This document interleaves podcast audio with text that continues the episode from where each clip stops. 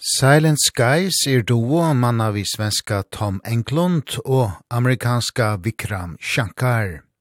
Englund er røyntur tonleikare som et land er kjentur ur balkon som Evergrey og Redemption. Shankar er klassisk lardur klaverleikare og tonaskald. Tónlega lia likkur Silent Skies lengt fra du herra rottjunon tom englund daglia fast vi. Og i stegin fyrast vid ui i møyra melankolska rålia tónlega Silent Skies kom 1. september vi 3. uka av synne dormant. Og i hesson sambandi hau vid finnji åri av Vikram Shankar. Vi prata om ukavona, om samstarvi vi Englund, og så tekur klaverlagaren og nøysni jøkno nukur lø av dormant. Fyrst byrja vi tåk for Vikram Shankar ui verlaganon er. Well, I'm a lifelong musician. I've been you know studying and playing music my whole life. At this point i'm mainly a composer and piano player. But you know i i do a lot of things in the in the metal world. I'm a keyboard player and a producer. And then in this world which i guess is more of like a classical neoclassical world i'm mainly a pianist and keyboard player. But i've been at this for pretty much my whole life. And i don't see that stopping anytime soon. And if we come to Silent Skies, um, how did it come about? Has a kind of interesting story. Um, I've been a fan of Tom's band Evergrey for many years. I kind of grew up on Evergrey. I'm actually exactly as old as Evergrey is. They were formed the year I was born, 1995. And Tom reached out to me in 2017 absolutely out of the blue. We had never spoken before. But he had seen some piano covers I've done of Evergrey songs and he just reached out to me. Out of nowhere he said I think we should make an album together which was kind of weird because I I think normally these sort of partnerships you meet someone and then you become acquainted and maybe you become friends and then you think maybe maybe we should make some music. But in this case the album came first. We set out at the outset to make an album together and then the friendship kind of caught up over the next year and a half we became you know actually you know good friends and you know at this point best friends.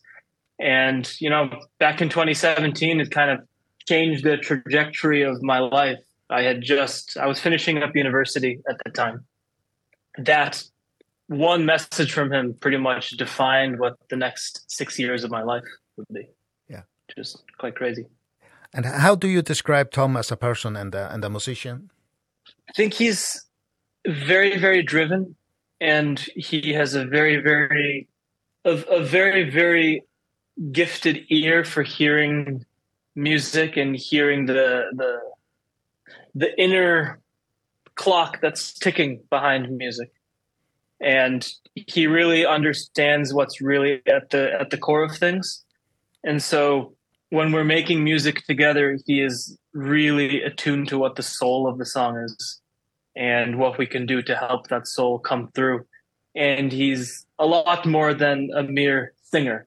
You know i mean no disrespect to singers but he's thinking about the whole picture and obviously he's a guitar player. I think he was a guitar player before he was a singer in evergrey. And so he's always thinking about musical details and he always has a lot to say. And sometimes it's a bit frustrating because he hears things that I have no idea how he hears them or why he hears them. And sometimes in the heat of the moment, I'm like, this, this makes no sense. Why are you fixating on this? But it always does make sense. He has a gift for hearing things in the most particular way. And that's a testament to how good he is as a, an artist, a musician, a listener, and a performer. Yeah. And how do you describe your collaboration? It's quite collaborative which surprises some people because I think some people think that he's the singer I'm the pianist. I do the piano stuff he does the vocal stuff. And I think on the first album it was a little bit more that way but you know that was a lot quite a quite a few years ago. And at this point we're very collaborative where maybe we do focus a little bit more on our individual camps but you know when it comes to musical ideas he always has things to contribute and on the Nectar album there was some piano parts that he had written and I think may have even recorded may have even been some recorded piano on there that he played. And I do some singing on Nectar and I do more singing on Dormant. And on Dormant it's very much a collaborative process where we were writing vocals together refining lyrics together and he was you know making a lot of suggestions as far as what we do musically. This is the first album of ours that has guitar and he played guitar on the first song construct and i played guitar on on the rest of the album but you know he he he always has a lot to contribute in a lot of ways and over the years i've been doing a lot more in terms of vocals and vocal concepts as well. Are you prepared for when life shifts? that second of the light switch. Are you prepared for how much is left after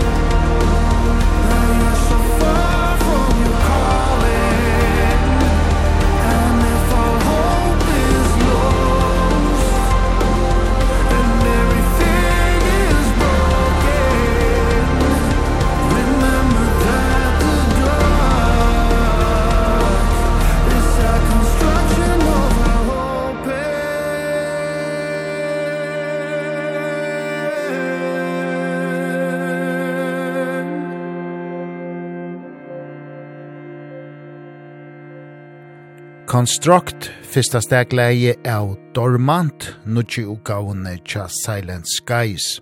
Tria utgava torra var tøk, fyrsta september. Høast Silent Skies er ein transatlantisk duo, Tom Englund bor i Svørige og Vikram Shankar i USA, så rikar samstarve vel, heldur amerikanske ljomborlagaren. And the Silent Skies is a transatlantic duo. How do you make it work? Yeah, um this Zoom. It's it's very much a product of Zoom. Um it wasn't always in the first album we had this kind of uh prehistoric way of working where we would just send MP3s and that was a very inefficient way of working because we have a time difference so he would give me something to do overnight and then it would be my night you know my evening he's sleeping I try to do something but I I'm not doing it with him. He has no feedback. So I'm just kind of hoping that it works and very often you misunderstand things and you go in the wrong direction. And then I would send it over to him and go to bed and then I'd wake up and he'd say, "What what the hell is this? This wasn't what I wanted at all." it was very inefficient. But at this point, you know, now that we've done Nectar and Dormant this way, we have this setup where we write together on Zoom where you know we have it set up so that we can hear each other's studio quality you know properly straight from our computers.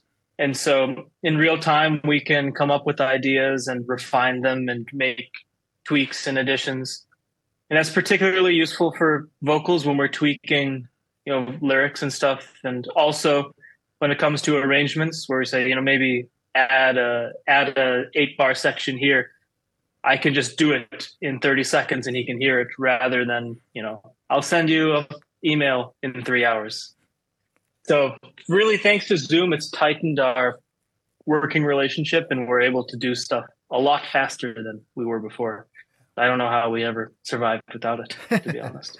Vi tar finnje Vikram Shankar at hag okne jøknon nokre av løvnon av dormant, og fyrsta leie han grøye fra om er Anna Stegleie, Churches churches actually came from an instrumental demo that I made actually the day I got this synthesizer which is a Prophet Prophet Rev 2 and I turned it on and I played the the very first initializing patch that comes on when you when you powered it on for the first time. And it had something in it that was that was special to me. And I I had no intention of making a song out of it, but I just put my phone up and I was showing Tom this, you know, cool cool new toy I got. And he said, "Save that. We we should make a song out of this." And it was simultaneously the easiest and the hardest song on the album because we were we were very very inspired when we wrote the song. And especially the chorus, I I very vividly remember sitting with him on Zoom you know sculpting these vocal melodies. And I remember after it I was like wow this is this is the best chorus that either of us have ever been a part of. This this is so magical. And then for some reason at the end of the process it, it became very hard to finish the song properly because we realized that we had written a really really good synth pop song. And it it was we were torn on whether it sounded like Silent Skies or not because it was so synth pop. And so we ended up kind of shaping it a little bit after the fact to make it sound a bit more Silent Skies. Like the verse, for instance, has the felted piano that is very common to our sound, but it didn't originally have it. It was just, you know, 80s synths the whole way through. And so the process of taking this what I thought was a great synth pop song and turning it into a great Silent Skies song was actually quite challenging, but I I really believed in it and I think there were a couple times when Tom just wanted to to throw it out to be honest. But I'm really happy that we didn't because it we were wondering if maybe people would find it too poppy. But you know, we released it and it no one has said it's too poppy. Even people who would say that everything we do is too poppy. no you know that particular song has not received that criticism which I thought was interesting but I think it you know I guess we did our job well making it fit the Silent Skies world. Absolutely. Close your eyes and remember Do you see me there by your side? Do you feel your heart beat the same as That time you first looked into my eyes? Do you feel you can defend this? Do you still feel alive? Because I feel we're just pretending Pretending we're just fine And maybe I was hunting high and low Maybe I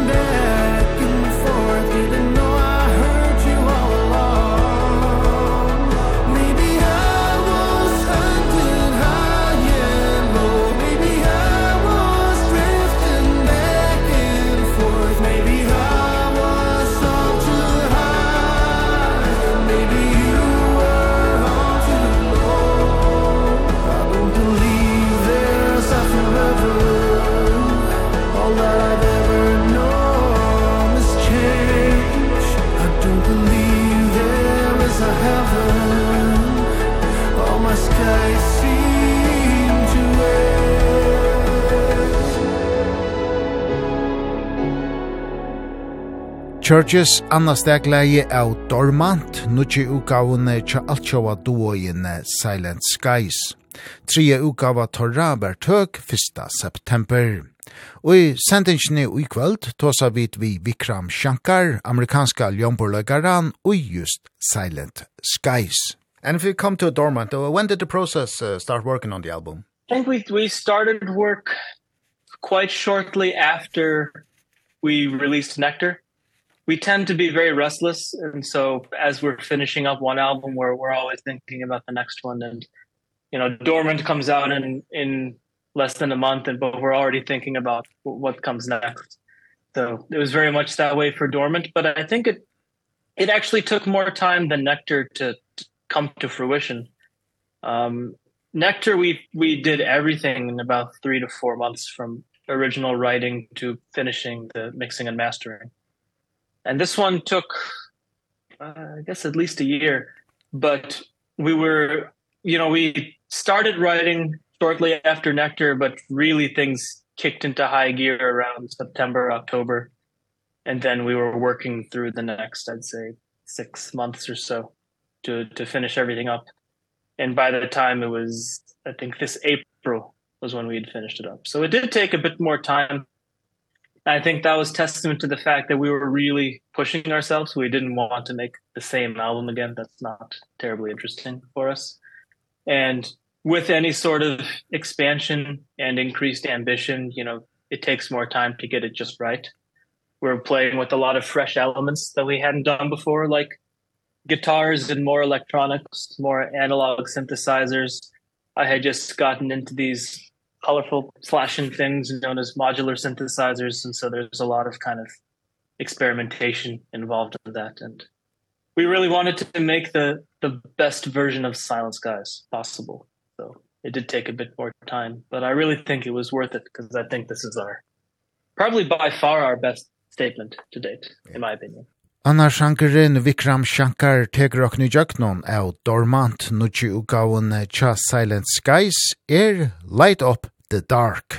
Yeah, Light Up the Dark is is a very poppy song and and that's one where I we were trying to find more musical ideas.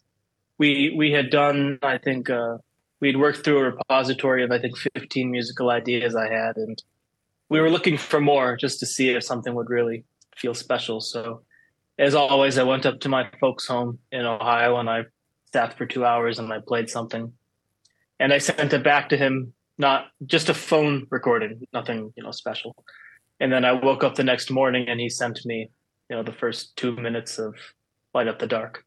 And we listened to it together on Zoom and and I I remember we, we both just sat and he played through it and then the song finished and there was like a a very powerful moment of 20 to 30 seconds of silence as we just kind of were like and I think I just said wow or something.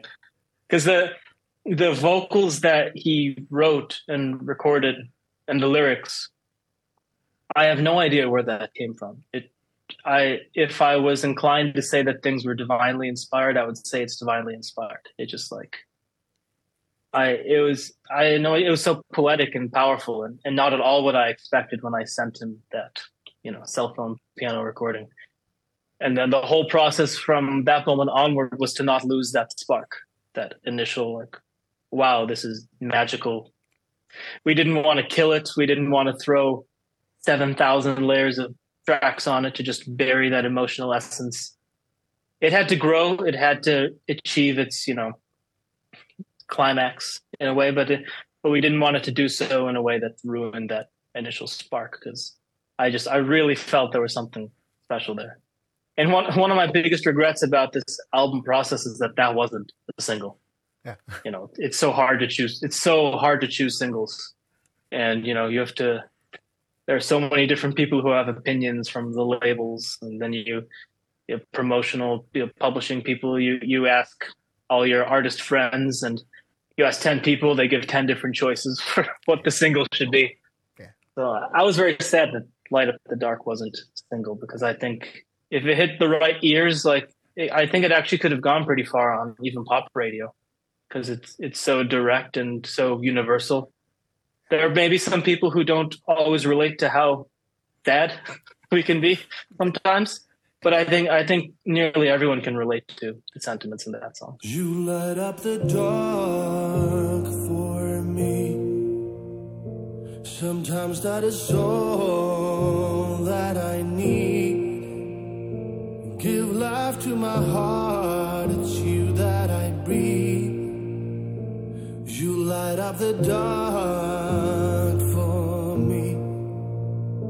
You fight all my wars for me. All the days when I don't know hide all my scars so no one could see. Who I am when I'm me If I met you much sooner. Before life turned this dark. You would have told me my heart would leave And then I would have known There was another way out. I was up in the mountains. Like so many times before. I was searching for someone Who would tell me to stop and come back to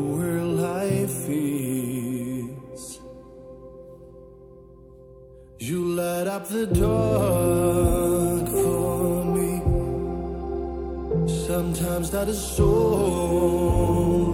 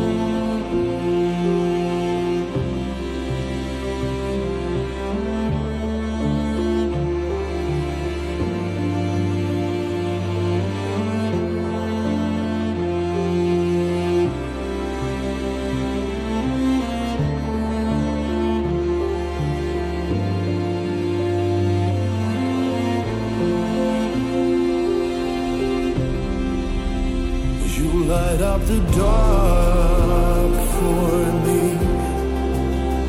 Sometimes that is all that I need.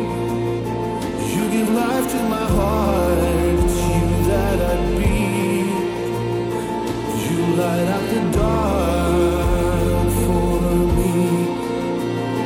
You tear down all the walls that I no longer need. All the bricks that I thought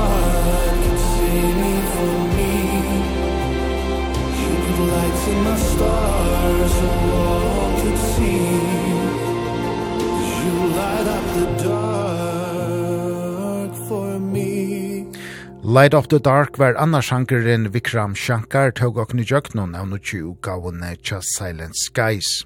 Tria utgava Torra Dormant var utgiven 1. september. Where did you get inspiration from when you write music? I think well, Tom and I may have different answers. He you know we both love nature walks but that's a very very big part of his creative process. He i think he does at least 90 minutes of walking in nature a day you know. He lives way out on the west coast of Sweden on right on the water uh between Sweden and Denmark and he walks that coastline all the time and you know he's he's very steeped in absorbing that into his creativity. I live in North Carolina, USA, which is actually also quite picturesque. I have the mountains around me and everything. But for me, my inspiration mainly comes from instruments. I have a very close relationship to my instruments. And in particular, I have a felted grand piano that uh, was my family piano. It's the piano I grew up learning on, so I played it for, you know, 15 years as a kid. And whenever I sit down in front of that piano, I just put my phone on record and, you know, sit for maybe 3 hours. I'll have 10, 15 song ideas that just flow very effortlessly from that instrument. Um so for me, it's all about getting in the right creative headspace and really allowing things to happen because you know, we all have very chaotic lives and there's a lot of stuff happening and in all of our heads, you know, whether you're a creative or not.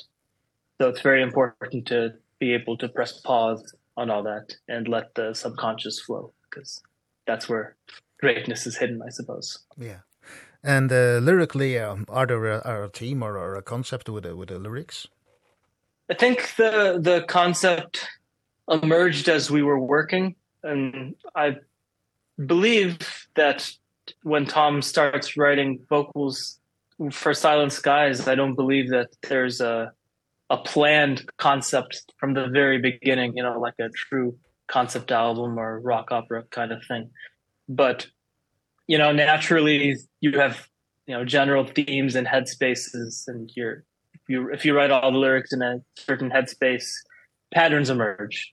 And the pattern for this record became simply reflections about life and what it means to live you know a good authentic happy peaceful life in a world that sometimes feels like it's trying its absolute hardest to make sure you are not happy and peaceful and you know living a living the best life that you can and how you handle the things that life throws at you and you know what the idea of dormant is that there is some force within you that lies dormant that is that is sleeping that needs to be awakened and so the the real idea of this album is how to how to get in touch with that how to understand what's really inside what's making you tick what's making you happy and excited and fulfilled and how to you know bring that to the surface yeah. which is you know very difficult for all of us maybe more difficult for some of us than others tom and i have our share of you know mental demons and everything yeah. so sometimes it it takes a bit more effort to really tap into that but actually the process of songwriting is one thing that really helps you understand how to get in touch with that inner self yeah. so that's what dormant's all about Trije sankeren Vikram Shankar tegur okni jöknun av Dormant, nutsi ugavun Tja Silent Skies er Just About the Clouds, her Rafael Weinroth Brown spelar cello. All the cello from the very first album has been done by Raphael Weinrich Brown of I guess best known for Leprous. But he he he does a lot of things aside from Leprous. And he's such a creative player. You know, he I can I know a million great cello players, but the fact that he has such a great artistry and he's a great composer himself.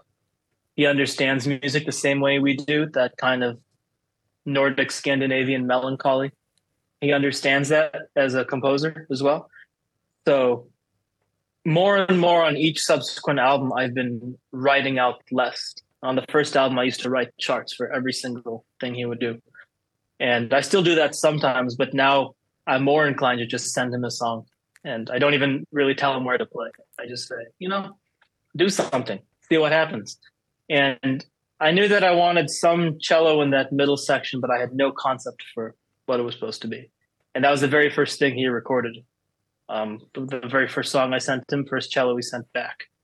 And it's like it turned that song from what I thought was a good song into a great song just instantly hearing that cello. It's like all right now now now this is a hit you know? And that was a song that actually almost all of the music was done in one take in one improvisation like all at the same time and it was using some stuff from here the modular system. And I just I was working with some loops and jamming in real time.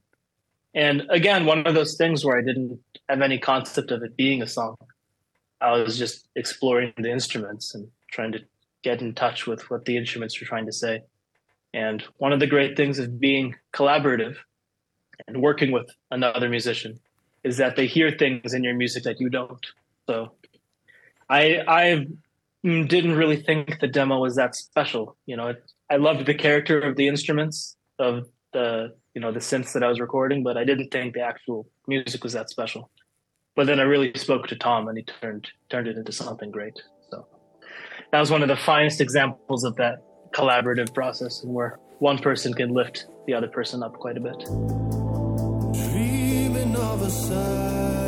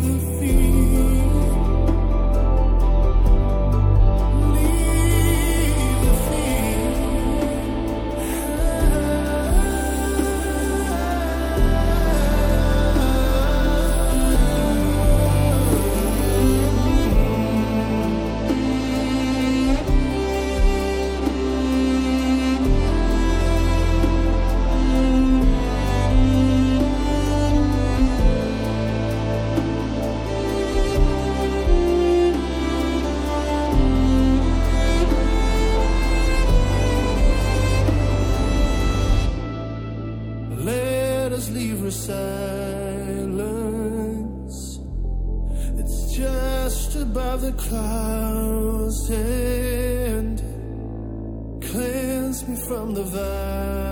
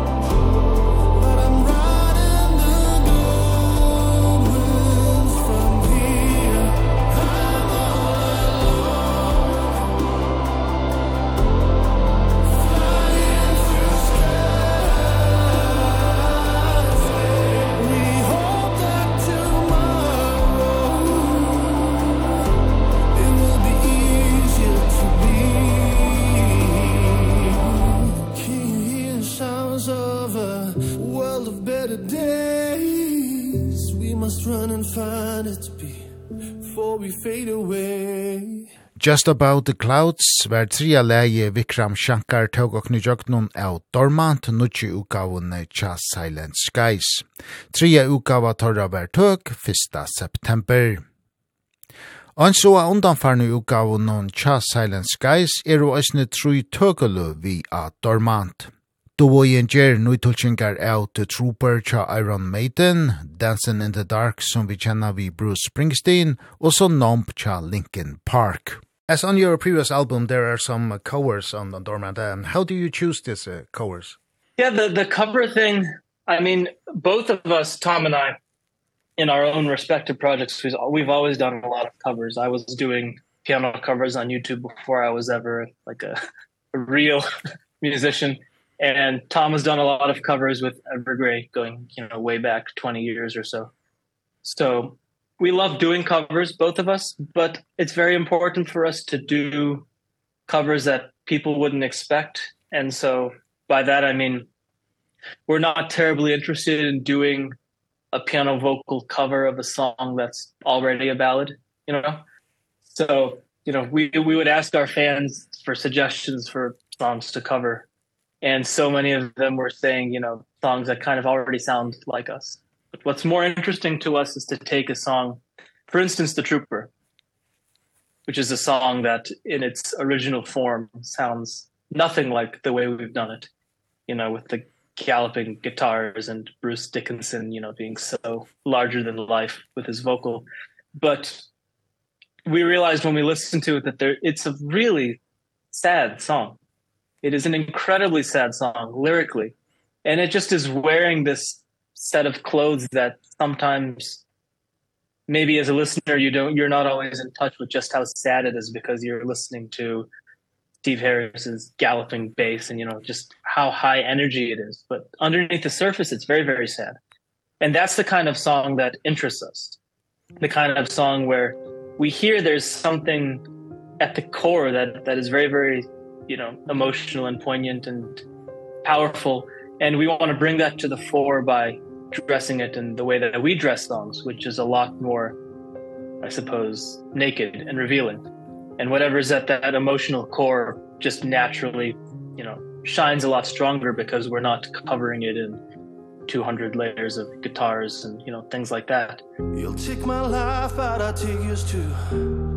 You'll fire a musket, but I'll run you through. So when you're waiting for your next attack You better stand, there's no turning back. The bugle sounds, the charge begins. But on this battlefield no one wins. The smell of acrid smoke and horse's breath. As a plunging into certain death. High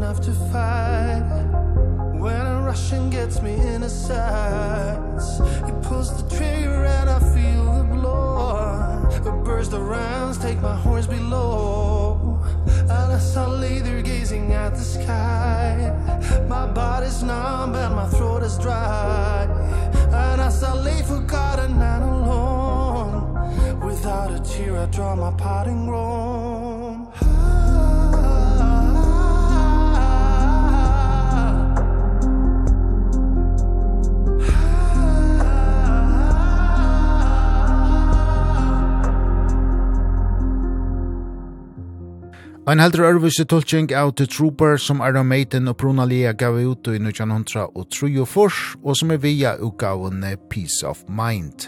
Hese fer vi alt sjåa doa gjenne Silent Skies. Legi er via nukki utgave Torra, Dormant, som er vila ikke vera at okna ser 1. september. Troi tøkelo eru vi eis tri utgaven Cha Silent Skies. Omfram trooper tulkar duo i nøysne Dancing in the Dark som vi kjenner vi Bruce Springsteen og Nomp Cha Linkin Park. Vi tar spurt Vikram Shankar kui veli just fatla Nomp Cha Linkin Park. The other covers on the album like the Linkin Park song Numb is another example where it's it's a huge radio rock anthem. I mean, it's still, you know, everyone at least in in the states. I don't know how it is in europe but in the states like everyone has heard that song on the radio or they've you know if you grew up at a certain time maybe you were riding skateboards to it or or whatever. But if you listen to the lyrics that is a tragic tragic song written by a man who has obviously has and had a lot of pain. And so we wanted to bring that to the fore with our own arrangement. And you know that's that's basically how we do it we listen to songs from all kinds of genres including genres that people you know may be surprised that we even care about like a lot of you know modern pop stuff and whatever and really listening for that emotional core and seeing hey maybe there's something here that we can bring out so and it's always fun for us to pick songs that surprise people yeah and it works Yeah, thank you. That's good to know. yeah. I'm tired of being what you want me to be. Feeling so faithless, lost under the surface. Don't know what you're expecting of me. Put under the pressure of walking in your shoes.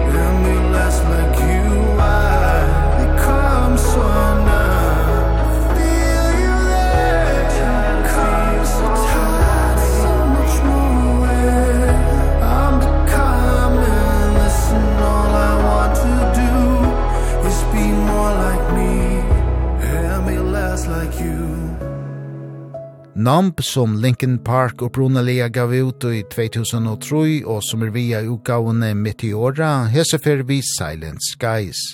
Lei er via nukki utgave Torra, Dormant, som var tøk 1. september. Om framtid arbeidet vi tonløysen noen tja Silent Skies, så heva Tom Englund og Vikram Shankar, sønast og tøyina òsne skriva tonløyk til Teldesbøl. Og etta fyrir òsne jeg fytla nekk tja tøymon og i framtøyene. Vikram Shankar vånar tå at tar øyna fyr i nærmaste framtøy øysne få møvleika at færa paddlevis Silent Skies, tog til hava tar ongan tøy rønt avur. Tom and I do a lot of musical endeavors together actually beyond the Silent Skies records.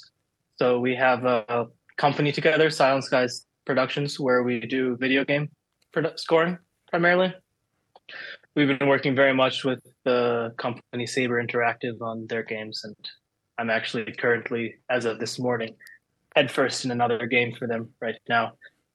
So, you know, we're always making music together and the great thing with the video game stuff is that it's completely different from what we do as Silence Guys, but you start experimenting with things because it's almost like a like a playground or like a playpen where you can just try things and then maybe you'll land upon something that you bring over into the Silent Skies album universe.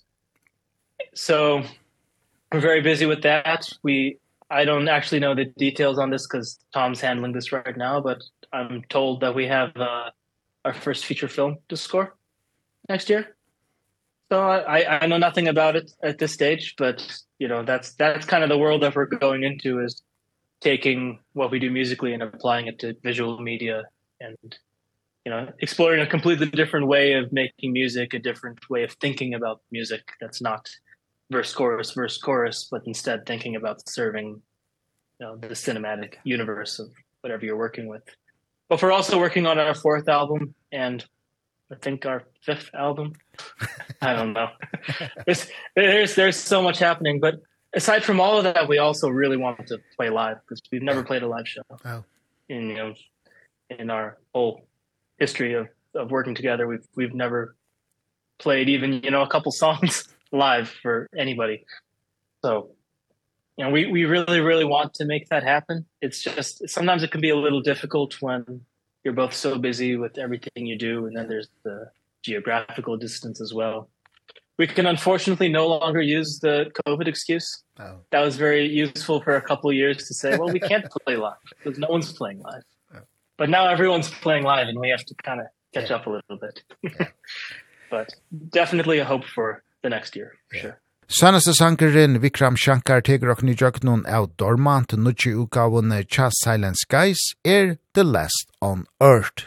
That's another um another one of these the, the the very much theme of writing this album was exploring gear.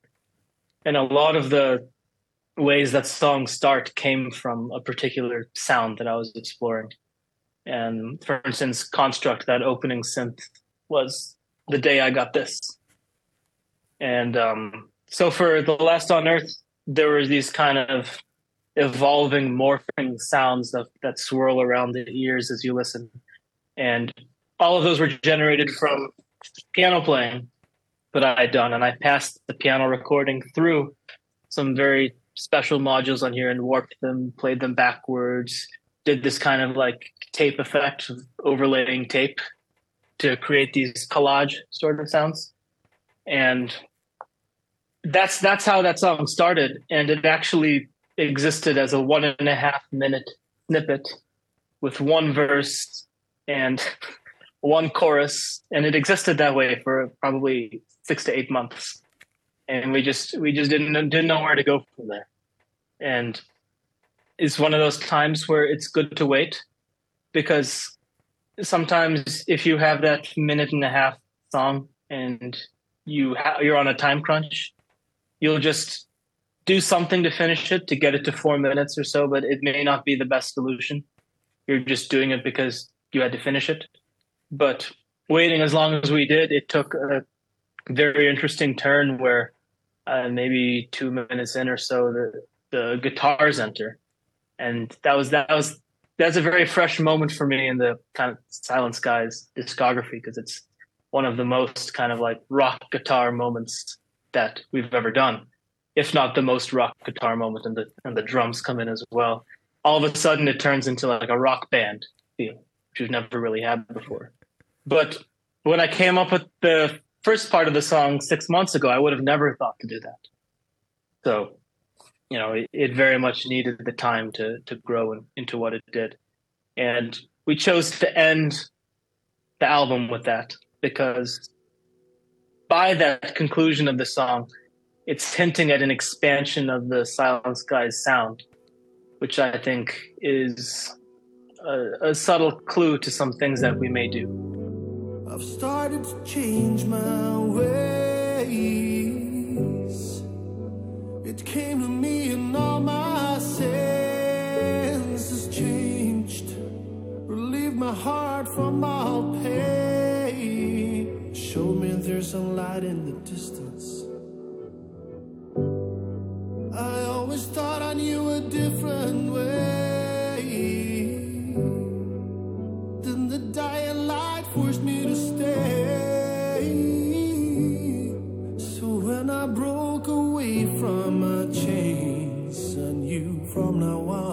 would change.